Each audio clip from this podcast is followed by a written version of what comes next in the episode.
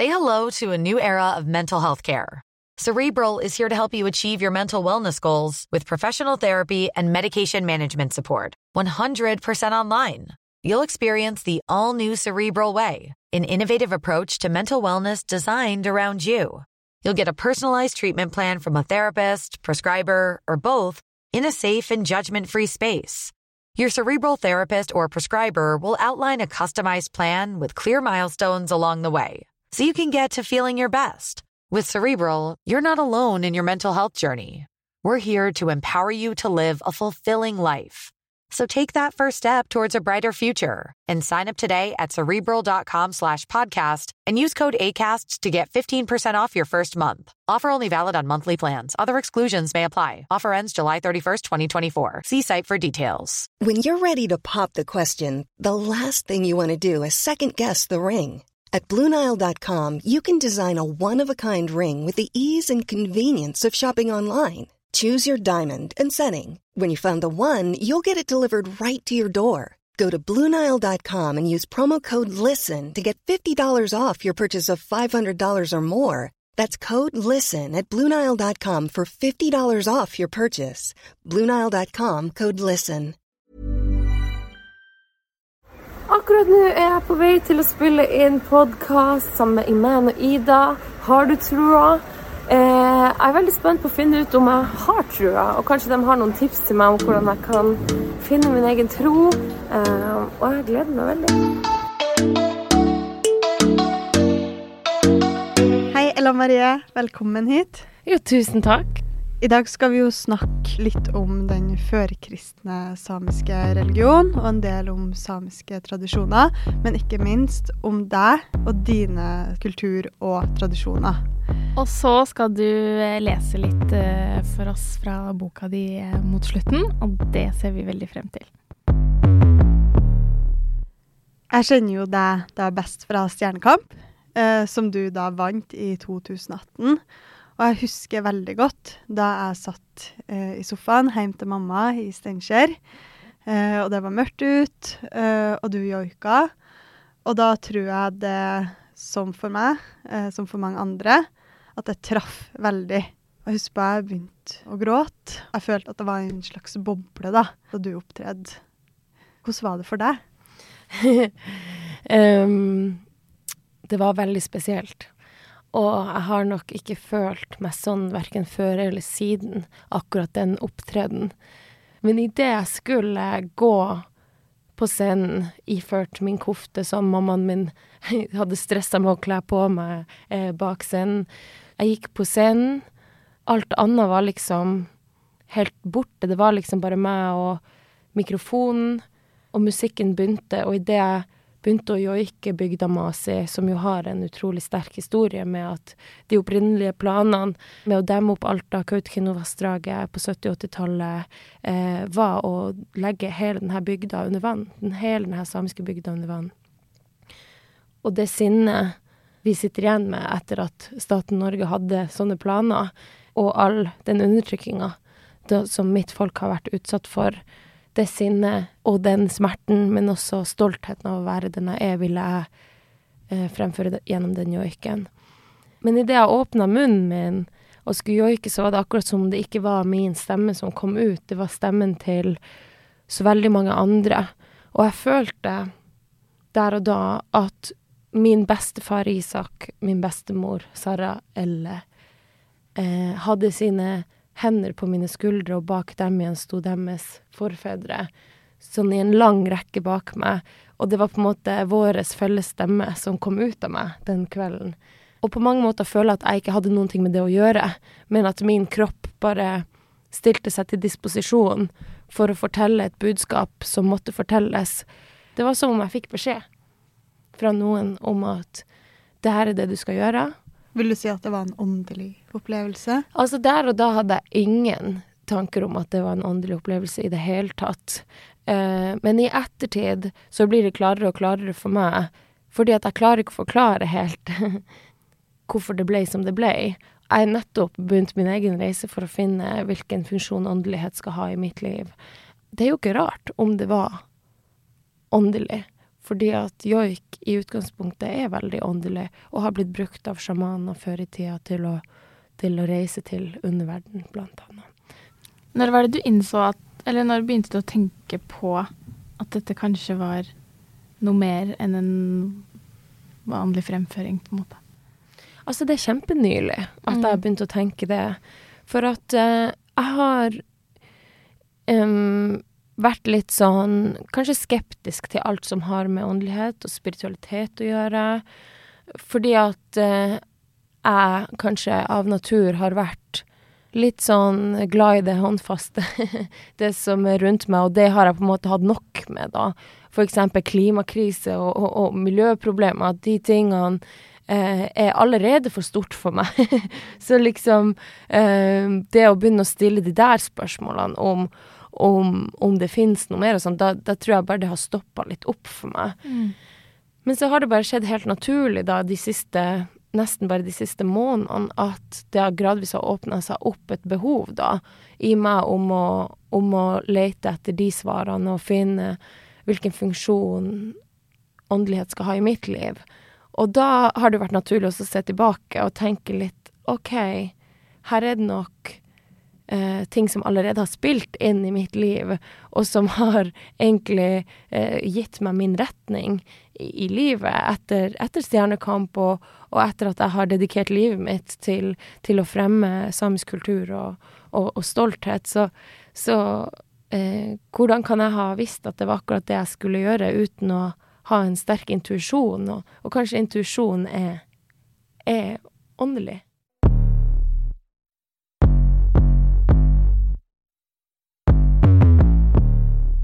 Men du har jo konfirmert deg i kirka.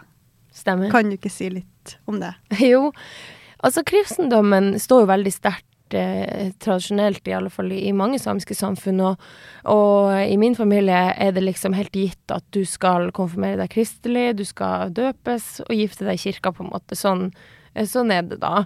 Så for meg, for meg var det litt sånn ja, da konfirmerer vi oss kristelig, da. Det var, var, ikke, noe, var ikke noe mer spørsmål om det. Og eh, skal også sies at om jeg ville konfirmere meg borgerlig, så måtte jeg drive og pendle til nabokommunen, og det ville jo vært eh, veldig, veldig mye kjøring. Så det var bare praktisk også. Men så eh, husker jeg jo de her konfirmasjonsundervisningene, da, så veldig spennende, fordi at da fikk jeg møte andre gutter som jeg ikke hadde møtt før. og, og det ble liksom litt sånn Ja, det var, det var spennende da. Um, og litt uventa så ble jeg rett og slett litt revet med i, i konfirmasjonsundervisninga, og syntes at veldig mange av de historiene i Bibelen var fine, poetiske, oppløftende, og, og ikke minst at det ga en slags trygghet, da.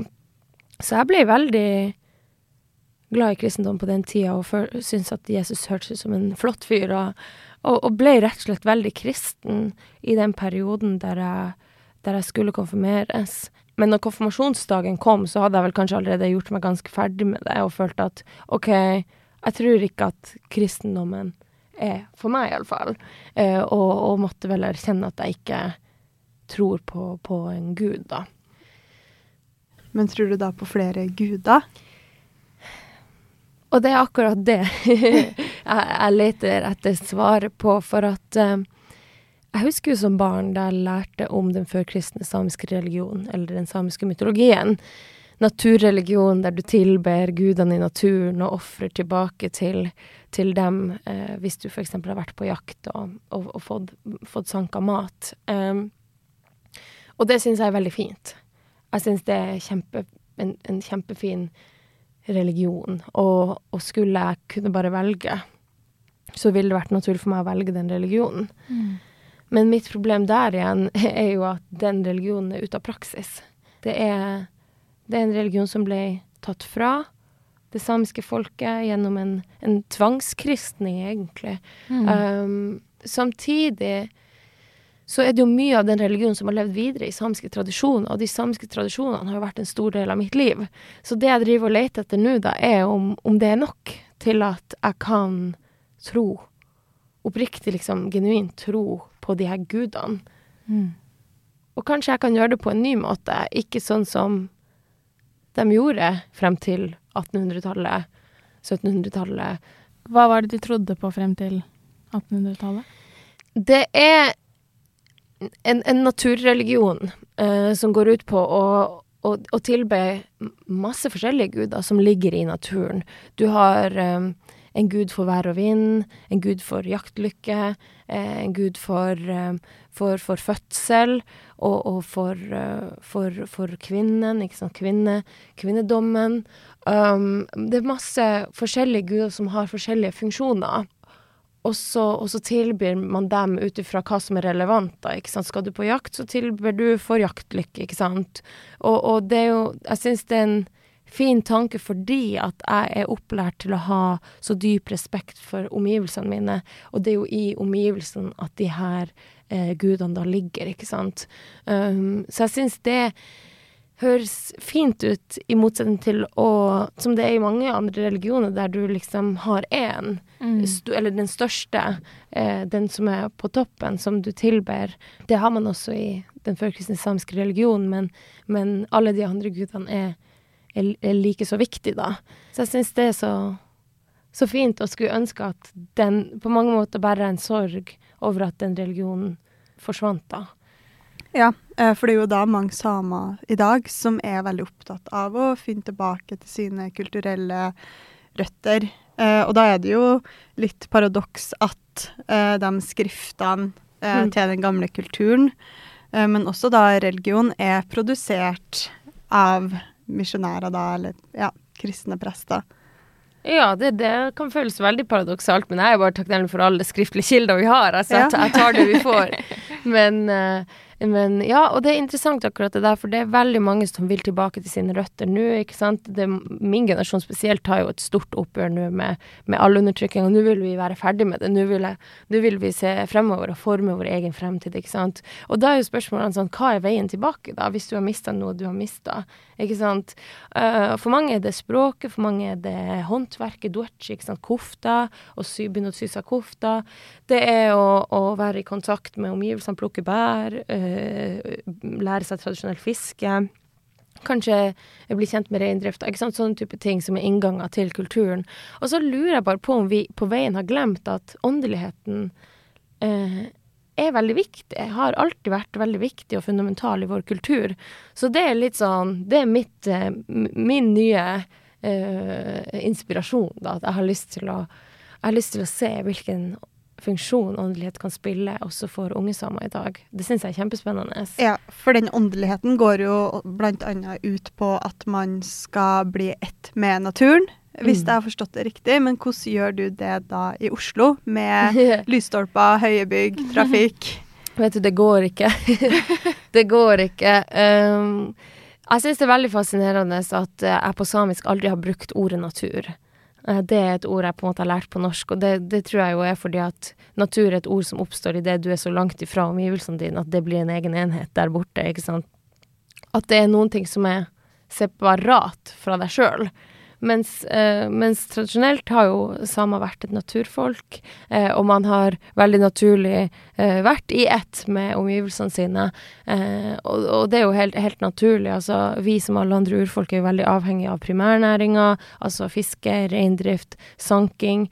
Samer har jo tradisjonelt vært et nomadefolk som har reist og, og, og, jakta og sanka.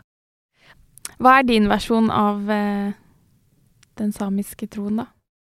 Jeg tror det må bli noe sånt som at den har en sterk funksjon. Eh, jeg tenker at eh, samene har ikke vært så dum, skjønner du. For at eh, du ser jo at vi er i en klimakrise, i en naturkrise.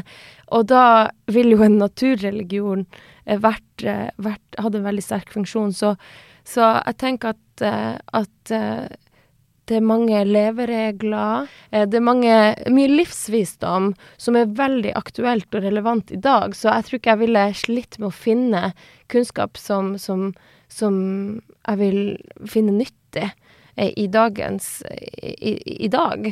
Um, mange gode råd og Ja, så jeg tror at det, min, min versjon av den samiske religionen ville fokusert på det at, at vi må ha respekt for omgivelsene våre, så at vi ikke er eiere av planeten, og at vi alltid skal huske at det kommer noen etter oss, og oppføre oss deretter. Um, så får vi se om jeg begynner å ofre. Kanskje, kanskje det. Men jeg må iallfall finne min måte da å, å tilbe de her naturgudene på. Jeg merker hvor ekstremt lite jeg kan om både samisk kultur og ikke minst den førkristne religionen. Og jeg det, Jeg skiller på skolen, så klart. Ja, det må vi Men gjøre. det er, jo, det er jo helt sykt. Ja, og kan. det kjenner faktisk jeg litt på, og jeg har egentlig gruet meg veldig til i dag. Eh, Jeg studerer jo også religionsvitenskap, og det at jeg liksom kan så lite eh, om eh, førkristen samisk religion, men også generelt om samiske tradisjoner og den kulturen. Altså, Mm. lærte jo litt på skolen, men det var så lite at jeg ikke husker det. Og så snakker vi altfor lite om den, altså den undertrykkingen samene har vært Ja. igjennom også. Og- det er liksom Jeg, jeg veit det, på en måte, og det Ja. er det. Og det syns jeg rett og slett er så flaut, da, fordi samene er jo faktisk det eneste urfolket i Europa. Mm. Ja, ja, vi er på en måte Europas eh, urfolk. Ja. Mm. Men, eh, men det der hører jeg veldig, veldig ofte. Det er veldig, veldig vanlig at folk føler at de ikke kan nok. Og jeg, jeg tenker det er et bra tegn at, at vi snakker om det, og at vi har lyst til å lære mer. Og så er det et stort svik av skolen, av systemet, at dere ikke har lært. Det er et svik mot dere, og det er et svik mot meg. Fordi at eh, jeg er nødt til å dedikere livet mitt til å tette de her kunnskapshullene som finnes i Norges majoritetsbefolkning. Ikke sant? Det, det, er min, det, det er min oppgave i livet, og jeg bruker 100% av tida mi på det. Voksne mennesker, unge mennesker som ikke vet en dritt om sin egen historie. For det er jo akkurat det, at, at undertrykkinga av min befolkning er en stor del av vår felles historie, av, av, av Norges historie. Og jeg tenker jo litt eh, at nå er vi nødt til å anerkjenne den historien, vi er nødt til å ta et oppgjør med det. Det er jo noe med verdigheter til Norge, da, som jeg mener man har mista i å ha kolonisert samene, i å ha undertrykt min befolkning så lenge. Og, og i den undertrykkinga mista vi også vår verdighet. Og med mindre vi får vår verdighet tilbake, så vil ikke den norske befolkninga få sin verdighet tilbake. Så jeg tenker at det vil gagne oss alle om vi nå eh, kan ta inn over oss den vonde historien vi har, eh, så vi kan ha et felles utgangspunkt for å se fremover og, og, og bygge en fremtid hvor vi skal sameksistere, hvor det skal være plass til alle, hvor kultur er vakkert, hvor mangfoldet eh, settes pris på, da, tenker jeg. Har du et øyeblikk hvor du eh, begynte å tro? Nei, jeg tror ikke jeg er kommet dit helt ennå. Jeg er, veldig på utkikk etter, etter det. Jeg er kanskje på vei til å tro på noe, men om jeg blir å finne fram til en sånn, en sånn sterk tro som um, omfatter alt jeg gjør og alt jeg er, det vet jeg ikke ennå. Um, og så vet jeg ikke om jeg vil det heller. jeg er usikker. Mm. Jeg er veldig usikker. Hvorfor tror du at du kanskje ikke vil det? generelt er jeg redd for å danne meg en, et, et verdensbilde som jeg for resten av livet skal lete etter eh, eh, belegg for å bekrefte. Ikke sant? Vi tror jo alle på ting som bekrefter vårt eget verdensbilde. Og det syns jeg er litt skummelt, for jeg vil være åpen for, for sannhet.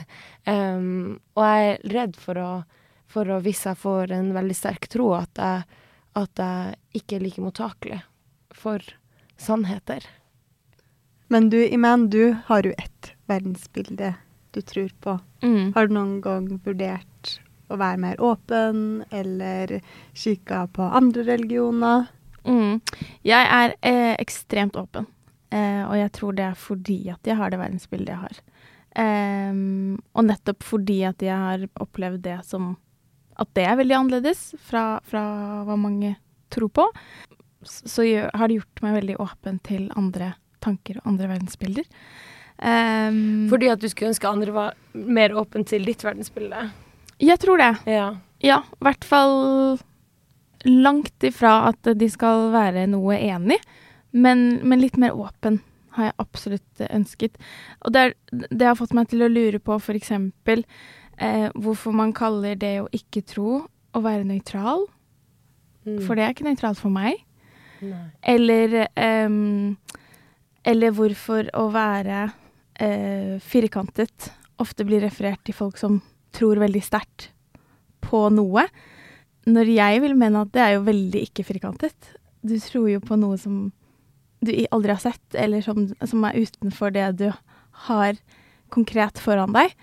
Um, så det er litt altså, Måtene vi bruker til å definere det å tro på, er veldig motsatt av det jeg kanskje ville tenkt å tro, da, som jeg føler er veldig åpent og veldig ut av boksen. Ja, søkende, liksom. Ja, veldig søkende. Eh, og så tror jeg det Jeg eh, er veldig nysgjerrig på andre religioner, andre eh, trosretninger, måter å tro på. Fordi at jeg er veldig nysgjerrig på andre religioner eh, og andre kulturer, og er veldig eh, åpen for å ta del i det og lære noe fra det. Um, og det tror jeg på en måte har gjort meg mer sikker i, i min tro og mitt verdensbilde. Eh, samtidig som jeg fortsetter å være åpen for, for andre ting, da. Um, men det gjør jo på en måte at du litt sammenligner, men også skaper forståelse for, for andre. Og jeg tror, hvis du eh, selv tror, så har du på en måte et annet utgangspunkt for å um, for å høre andre verdensbilder også. Mm. Og det er jo veldig interessant, fordi det er akkurat det som gjør meg mer usikker, at det er så mange forskjellige religioner, tradisjoner og kulturer osv. Fordi altså hva skal jeg gå for? Ja. Hva skal jeg velge? Og det er jo mange som på en måte shopper litt fra ja. forskjellige religioner. Ja. Og det ser man jo i mange nyreligiøse bevegelser, at det er helt vanlig at man tar litt fra østlige tradisjoner og vestlige, og at det blir en slags god blanding. Men jeg syns allikevel det er vanskelig å på en måte fastsette noe, at det, at det er det her som er riktig for meg eh, å tro på og praktisere. Eh, når det er så mye annet, hva veit jeg at det er min riktige vei å gå? Ja, det lurer jeg også på sånn uh, Nå når jeg er på let etter en eller annen følelse om, å, om å tro, da, eller sånn hvordan vet jeg at jeg tror? Er det, er det sånn Er det sånn en sterk følelse, da? En magefølelse, eller Ja, hvordan skal jeg komme dit, da? eh, det er et veldig bra spørsmål. jeg tror at jeg på, på, en eller annen måte alltid har trodd.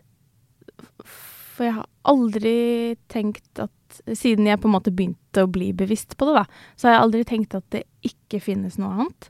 Men så har jobben kanskje vært å, å finne ut av hva, hva er det som fins, og hva er det jeg tror på. Og så har jo da naturlig nok vært eh, det, Altså, det første stedet jeg har lett, har jo vært islam, siden det er på en måte religionen jeg ble født inn i.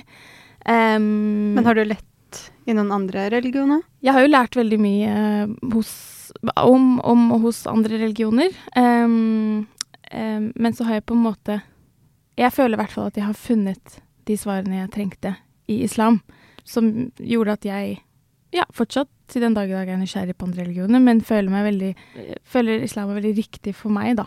Eh, og jeg hadde en samtale med en, en, en jente som, som, sa det samme som deg, eller litt sånn at hun hadde veldig lyst til å tro. Eh, og, men hun visste ikke hvor hun skulle starte, litt som deg, Ida. At det var så mye forskjellig, og hvor skal man begynne?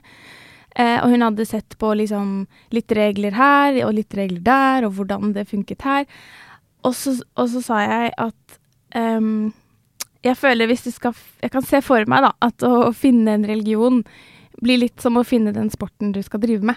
Eh, du starter ikke å lese hva er offside i fotball. Du starter med å finne ut om du egentlig i det hele tatt kunne tenkt deg å like fotball.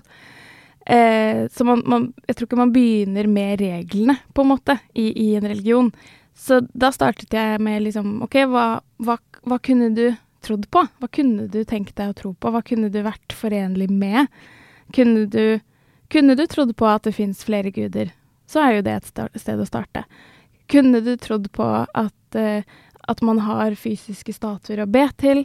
Så er jo det et sted å starte. Men hvis du hvis du ikke kunne trodd på det, da, eller ikke, altså ikke trodd på statuer eller ikke trodd på flere guder, så kan du se på de religionene som kanskje da har én gud, eh, hvor man ber til noe man, som ikke er noe håndfast, eller som man ikke At man starter litt hva kan jeg tro på, som den personen jeg er, da. Det var et veldig godt svar, fordi jeg kjenner jeg er veldig stressa av og til.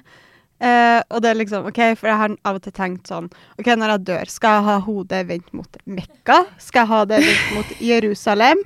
Skal jeg bli kremert og få asken min eh, ja, tømt Spredd, ut? og hvor skal den spredd. spre? Hvor skal den spre? Skal spre den Hva heter den største elva i India? Ganges. Ja, eller skal jeg også Eller oppå fjellet? Eh, eller skal jeg bli gravlagt eh, eh, på Eggekirka i Steinkjer? Altså Det er vanskelig. Ja. Så det tipsene du kom med nå, tror jeg Mm. var veldig nyttig i meg. Skal jeg innrømme at jeg tror faktisk, og kanskje det høres litt closed-minded ut, men jeg tror faktisk ikke jeg kan prøve forskjellige religioner. Jeg tror min sjanse er å ta tilbake min versjon av den samiske mytologien, fordi at jeg er så sameaktivist to the bone at jeg ville følt at det var illojalt å, å velge en annen religion. Også fordi at vår religion forsvant av andre religioner. Skjønner dere? Mm. Og at hvis de her åndene, da, de samiske gudene og åndene, egentlig er her og er til stede og, og er her med meg, uh, så svikter jeg dem. Ikke sant? Og det, det tror ikke jeg klarer å gjøre. Mm. Men jeg tenker vel at hvis du allerede har kommet dit at du tenker det, så er du vel kanskje Ja, kanskje jeg er På på vei vei? nå. Ja. Nå nå snakker jeg. Her, har bare- vi, her har vi øyeblikket. Nå, Det ja, her på denne podkasten. Nei, men kanskje, kanskje jeg er på vei å, Ja. Men jeg tror fortsatt jeg liksom venter på den der sto, det store øyeblikket som mange har snakka om, da, som, som, har, som har kanskje begynt å tro seinere i livet. At den, det er en sånn åpenbaring, da.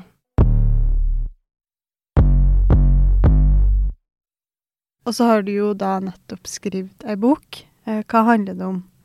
Eh, Boka heter 'Derfor må du vite at jeg er same', og det er min historie fletta inn med mine forfedres historie. Så det er et vitnesbyrd fra 2021 om at fornorskninga på mange måter aldri tok slutt, og at eh, denne generasjonen samer fortsatt lever med de konsekvensene på kroppen, da kjenner det på kroppen. Og så er det masse, masse historier om, om min tilknytning til samisk kultur og tradisjoner, da. Og der har jeg annet skrevet litt om denne prosessen og nysgjerrigheten på den førkristne samiske religionen. Så jeg tenkte jeg kunne lese litt for dere hvis dere vil. Veldig Ja. gjerne. Ja. Jeg håper ikke dysleksien kicker inn nå. Det finnes mange offersteder og hellige fjell i Finnmark. Ved Erkoeivi i Båteng i Tana ligger det en offerstein som kan virke lite imponerende. Det er ikke noe ved formen eller fargen som trekker turister. Likevel fremstår steinen som noe gudene har sluppet rett ned fra himmelen, der den ligger og vipper på bakken og liksom truer med å velte. Første gang jeg så den, var jeg på ekskursjon med skoleklassen. Jeg ble fylt med respekt og æresfrykt. Steinen kjentes viktig for meg. Slik som mange andre samer før meg også har knytta seg til den. Så hvorfor hadde jeg ikke hørt om den før? For meg var det her enda et tegn på at en viktig bit av kulturen vår er glemt, at den samiske mytologien nok er ute av bruk for godt. Der og da bestemte jeg meg, jeg vil ta den samiske mytologien tilbake. Jeg begynte å lese meg opp på naturgudene, hvem man skulle ofre til og hva, og ikke minst hvor og hva jeg skulle ofre. Jeg ble enda mer opptatt av å legge bedre merke til detaljer i omgivelsene når jeg var ute på tur, av å holde meg på stiene, unngå å tråkke ned vegetasjon mer enn høyst nødvendig, unngå å snakke høyt, noe mamma stadig påpekte at jeg gjorde. Ikke lage større bål enn det var behov for, kun bruke tørre kvister av døde trær til å brenne i bålet. Jeg sørga over at den gamle religionen var borte, men å prøve å ta tilbake en religion som forsvant for så lenge siden, virka bare helt umulig. Det samfunnet vi lever i nå, er så langt unna det samfunnet der naturgudene var en sentral del av hverdagen. Dessuten hadde jo mamma og pappa oppdratt meg til å huske det aller viktigste, å ha en grunnleggende respekt for alt rundt meg. Jeg fikk inn overtro og myter om utenomjordiske vesener med morsmelka. Mange historier etter den samiske mytologien har nemlig klart å leve videre. Mystikken og det guddommelige i jordas enorme krefter er fortsatt med oss, og en naturlig del av livene våre. La en skjære bli syk og en mus dø, så skal det vonde gå bort fra Ellas arm, trøsta mamma og blåste på skrubbsårene jeg hadde fått idet jeg snubla og falt på grusen som ganske liten jente. Filosofien er at noe må ofres for at noe annet skal forbedres. Jeg tørka tårene og fortsatte med leken. Det var um... Det var veldig sterkt. mm, Uh... Så flink du er. Mm. Ja, men takk. Det var eh, Ja. ja. ble virkelig dratt inn i din historie.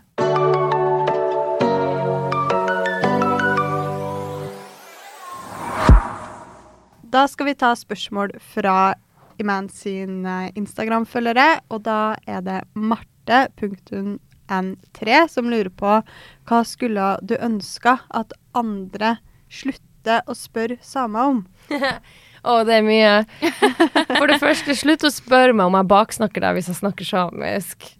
Altså, ikke anta at jeg er en sånn person bare fordi at jeg snakker samisk, ikke sant. Jeg er ikke interessert i å snakke stygt om folk. Um, det håper jeg folk slutter å spørre meg om. Og så er det bare sånne fordommer som ikke er morsomme lenger. Liksom stereotyper jeg håper vi kan bli ferdig med. Jeg hører veldig mye sånn Ja, hvor er spritflaska di? Ja.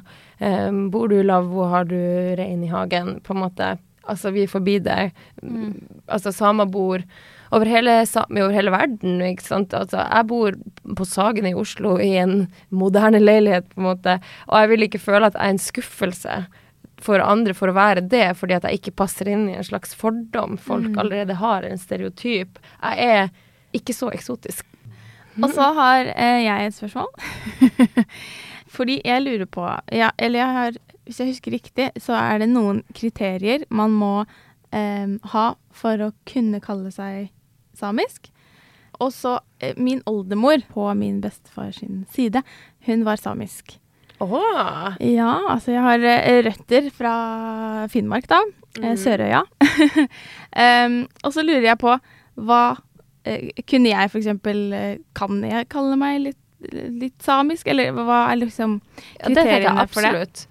Ja, nei, altså det, det nærmeste vi kommer kriterier, er jo de formelle kriteriene du må ha for å kunne melde deg inn i samemanntallet. Bortsett fra det så flyt, flyter det jo litt. Altså, folk har forskjellige kriterier for hva man ser på som samisk, men jeg bruker å si at hvis du føler deg som samisk, så så er du vel same. Men det er, det er, det der, det der, det der en veldig aktuell diskusjon i, i nå, i de samiske samfunnene, for at, eh, for at vi, eh, vi utvikler oss jo som folk, og veldig mange tar tilbake sin samiske identitet nå, og da oppstår mange eh, interne konflikter og la, la, la, la. Så, så det tryggeste er vel å si at om du sjøl føler deg som same, så skal du eh, kalle deg det. En dag går du i kofte. Ja. Det hadde vært dødskult. Ja, det hadde vært veldig kult. Forrige episode så hadde vi med oss Maja. Um, hun er eh, halvt norsk og halvt israelsk uh, og jødisk. Hun har da tatt med seg en stein som betyr mye for henne. Den fant hun mens hun var et år i Israel, um, der hun sa at det året så ble hun sikker på sin jødiske identitet. Um, så den steinen ville hun veldig gjerne gi videre. Å, nå blir jeg skikkelig rørt. er det sant? Mm. Wow, den skal jeg ta godt vare på. Neimen, tusen takk, Maja. Det setter pris på. Kult. Og så eh, er vi spente på hva du har tatt med deg i dag. Ja, min gave er boka mi. Eh, nei, men jeg tenker at um, jeg har ikke en- enda noen sånne gjenstander eller steiner som, som um, symboliserer min, min religiøse tilknytning, men det nærmeste jeg kan gi, er, er min historie. Og denne boka er min historie på mine premisser. Men også liksom en samisk historie eh, på samiske premisser. Så jeg, jeg håper at, eh, at den kan gi styrke til neste gjest på en eller annen måte. Og innsikt. Eh, forståelse. Mm. Det er jeg helt sikker på at den gjør. Tusen takk, Ella, for at du kom hit og delte din historie med oss. Tusen takk. Ha det bra!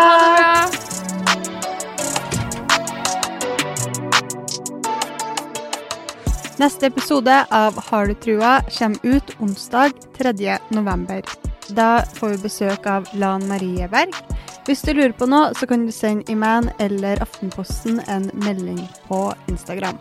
Produsent er Peter Daatland. På research har vi Ingvild Berg, og ansvarlig redaktør i Aftenposten er Trine Eilertsen.